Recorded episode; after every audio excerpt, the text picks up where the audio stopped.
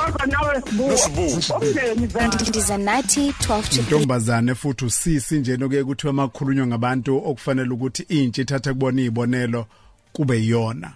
Yaziwa ukuthi ayikakaze ihlangane nomuntu wesilisa intombi into ngoko ngokokuqonda kwawo wonke umuntu la ebandleni. Kodwa kufika isikhathi lapho icelwa khona ilotsholwa khona ilungiselelwa khona ukuthi izoshada kuthiwa izoshada ngoDisemba. Khumbula ukuthi siye sakubalula ukuthi ithenjiwe ebandleni. Ubaba umfundisi umama umfundisi njengoba ilungiselela umshado wayo nje umama umfundisi uyena ophansi phezulu ukuthi alekelele ihamente lakhe ivolunteer ebandleni elithenjiwe elihle kangaka. Nabazali bayo futhi babazali abathenjiwe ebandleni. Kutholakala ke manje ukuthi inkosazana ikhulelwe. Lo ekade sengichaze kanje and makutholakala ukuthi ikhulelwe nje ikhuleliswe umfundisi. Yayiseke ibuze ke icela iseluleko kubangani bayo abangani bayo abanye bathi ayisikhiphi isisu. Ithi ngizosikhipha kanjani isisu?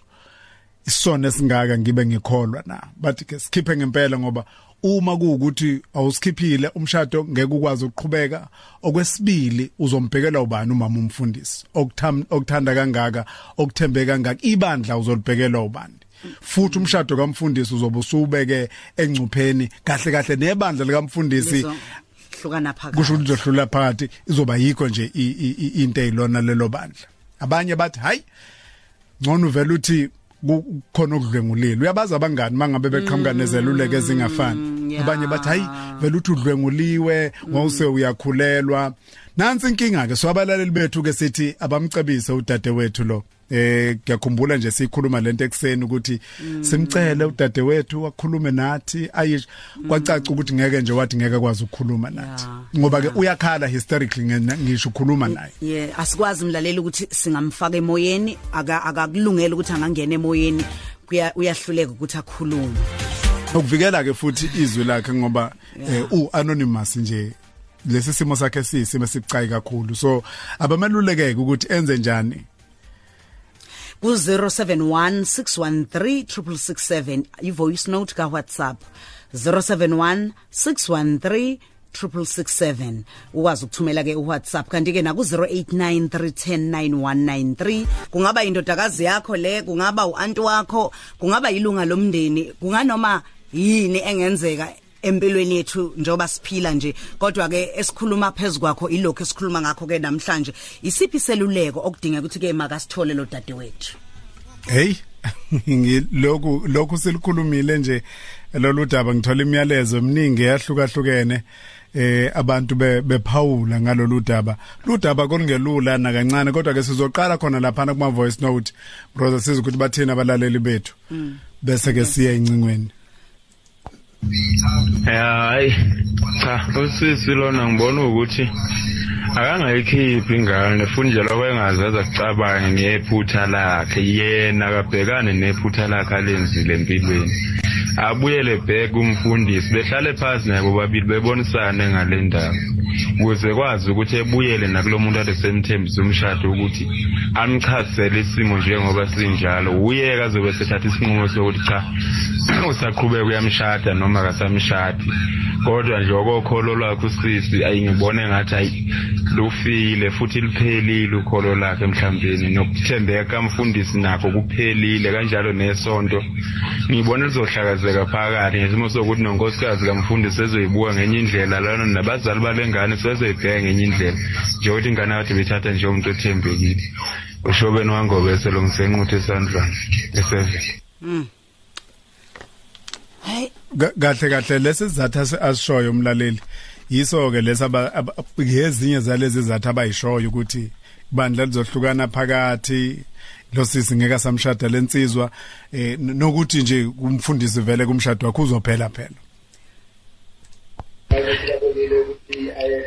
Usisi akakhulume iqiniso atshela upartner wakhe ozoshada naye ukuthi upreg upregise ubani kuzodlula konke kunokuthi angene emshadweni eshamshadweni angene ngamanga. Iqiniso lamkhulula umuntu akukho okufihliwe ngelinye ilanga kuyovela mangabe uyafihla. Daba ke olubucayike sikhuluma ngalo njengamanje kanti ke aqhubeka ama voice note na ku 0893109193 mhlamba ke sibathatha ababili siphinde siqhubeke futhi siye nakuwo eh, ama voice note ukhozi sikubingelele? Yebo mros. yebo bhuti. Yebo eh ukhuluma nolabhiqa le baba nami. ehe uma ushaye nje bhuti u- Ayisekonakele kodwa ke phela kuyalungiswa. Kodwa into engiyibukayo mina kuze mhlambe engegcina mhlambe kulunga kulopha kulophathini wakhe obesemthembisa umshado. Ngibona ukuthi akacele umndeni wakhe nabantu ngababathembayo a- a- aba- bahambe bekhona kulo besemthembisa umshado ukuthi hayi sekonakele kodwa ke ongenani mawukuthi uyavumelana naye ku- nalokho. Okay. Aka aka uzohlawula. Okay. Kulungile kuzo kuzo kuzwakele kuzwakele mfowethu Mhlawumbe baba kasithole nami omunye futhi ukhozi sawubona siwuvala umsakazo uma singena. Unjani mroza nasibo siyakubingelela bhuti. Haleluya cha kufanele phela akhethe ukuthi ungabe uthanda umshado noma ufuna ukuphila emangeni impilo yakhe yonke. Akakhulume nje iqiniso umshado ngamane kele kodwa mayizosala eqinisweni.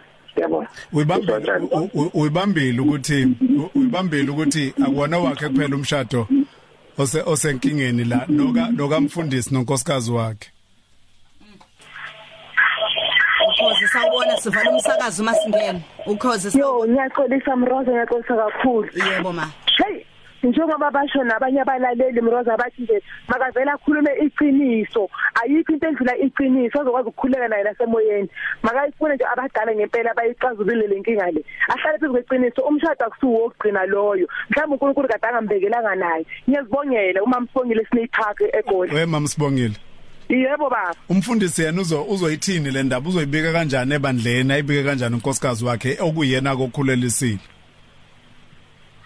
baba anya- eh yazi kuthi ukuthi yazi izi- isono somuntu vele nje sesimbulele nje already simbulele ngoba uyimoshile lento uyimoshile. Mm. Ngoba manje umama- umama mfundisi uyena omatasatasa ulekelela ivolunteer Oh, ukuthi igcine yami. kahle. Ingubo zomshado iseyitromisi ikhekhe yonke into. Ngoba uyathokoza ngendodakazi yakhe abekade iphethe yonke leminyaka Ku- kuzokwenzeka kanjani kumama mfundisi? Hayi yona ilikhuni ngempela ilikhuni ilikhuni nzima hayi. Nawo sikuzwile Ikhona Sibongile, imbangela. siyabonga kakhulu. Asathe omunye sibone ukuthi ubani esimtholayo. Ukho siyabona? Yebo sawubona. siyakubingelela. Sikhuluma nobani? Ukhuluma ukhuluma nomama Ayinani. yebo ma usivalele umsakazo wakho nje bese uyaphawula Aya ngikheduze komsakazo ngiphansi. Okay. Ngithi mina u- u- u- akakhuluma iqiniso intombazane. Ngempela iqiniso liyamkhulula umuntu. ulikhuluma Kodwa kubani futhi uqala kubani ukulikhuluma uya uya kubani uya kumama umfundisi uya uqala ulikhuluma kubani iqiniso lapha azoqala ahamba khona khulu akhulume kubazali bakhe. Abazali bakhe abatshele futhi ukuthi ngicela ukuthi niyoyikhuluma esontweni. Umfundisi wayazi ukuthi kuyobanjena wayengazi ukuthi kufanele ukuthi konakala. Kona intombazane yena okwakhe kufanele kulunge akonakale konke. mana ke ma ushola ukuthi mhlambe nomfundisi angalibamba iqhaza kulolu daba ibe uyena indaba ayiqalayo mhlambe abi- abiza amadoda ebandla kufanelekile sisi mase kunjena ke phela okufihliwe vele ngelinye ilanga. Ayikho into ongayibeka phansi kwetafula ngelinye ilanga iyohlala phe kwetafula. Ibandla lakhiwe iminyaka nyaka uyazi kwakhe ibandla sesizwa befundisi bethi akulula neze. Kulungile ke oba obaba ba- ba- ba- balapha esontweni khona amadoda amadala nawo umthetho. Aqoshwe umfundisi. Hm khulumile. Uma. eh akaqoshwe umfundisi. Uyaxoshwa yini umuntu Aqoshwe u- endlini kaNkuluNkulu. Mangabe ona ke fanele ahlale ngokuthi umuhle engemuhle. Hayi, kwenzela uma ametha abantu. Hayi. Naye bakuthi ingane yabantu yokonakala akonakale konke machitha umshado kamfundisi nengane naye naye lazo yitholisa ingane naye konakale konke kuyafana. Ngamanye amazwi uthi azilime ziyetsheni uthi hayi aluweki nimezetheni iqiniso nje liyamkhulula umuntu. Ungazazaza athi futhi uzokhipha isisi lomntwana mhlawumbe into yakhe usisiye ngayo yokugcina ngeke aphinde abe nalutho nakulungile Yebo. ma sikuzwile, Ngiyabonga bantu abami. siyabonga kakhulu siyabonga hey asithathe omunye kukhozi Linjani sibu? siyaphila ngane yakwethu khuluma nobani Oh ngikhuluma noNtsuku ngagumede lapha eMtobetini. wena wasemangonini Yebo hayi ke sibu iqinisa umuntu liyamkhulula yabona nje lo sisi uma ngempela efuna ukuyithola ekhululekile. Fune e- ekhulume lonke iqiniso kumfundisi engacabangela ukuthi umama lo ukhuluma kanjani kumfundisi waphela? Bona bobabili bayalazi nomfundisi ukuthi sebekhulelisene kodwa inkinga ukuthi abayikhulume kumuntu le ndaba ngaphandle kokuthi lo wesifazane usayikhulume kubangani bakhe kuphela. Yeah. Ukubona akakhululeke nje usise ixoxele ngisho kwayena umama mfundisi kufanele ukuthi egcine lwazile lolu daba ngobe njengoba umfundisi enze nje kukomba khona phe ukuthi usisi mayengaqhubeka nalo yamshado uyohlala enemfihlo ayengeke ezekhululeke ehlele emshadweni nakuwo lo mshado ngeke ekhululeke kufanele iqiniso nje liphumele obala bevuma ukuthi kwenzeke iphutha ngalokho mangabe uyaqhubeka usisi nomshado nalowo muntu beqhubeka kodwa iqiniso nalowo mkhwenyana elazi ngoba ngeke ephile nemfihlo engaka impilo yakhe yonke. Ake sizwe kwi voice note ukuthi ngabe kuthiwani eh sizwe nje ukuthi luthini udaba alibeka umlaleli wethu omunye. Usisi akabize umfundisi bakhulume iqiniso umfundi abize umfundisi nabazali bakhe kukhulunywa iqiniso. Umfundisi nje ulimoshile ikusasa lentombazane. Ayikho into azwengelela emshadweni ebe ekhulelwe ingane kamfundisi. Umfundi intombazane ayibize abazali bayo nomfundisi bakhuluma iqiniso kuze yonke into yabo izohamba kahle. Uma ebulala ingane uzosala nonemvezo neyiqala ukuthi ukhiphe umphefumulo ongenacala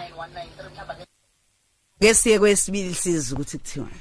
Ya sanibonani okhosini mina ngithi lo ntombazana lo akangasikhiphi akwazi ukuthi atshele nabanye abantu bezokwazi ukuthi umfundisi lo ungcole kangakanani njengayiganiwe nje enomfazi eshadile. Umfundisi ekugcineni kwakho konke sibu uyindoda? Eh ngale kakhololo kunendoda.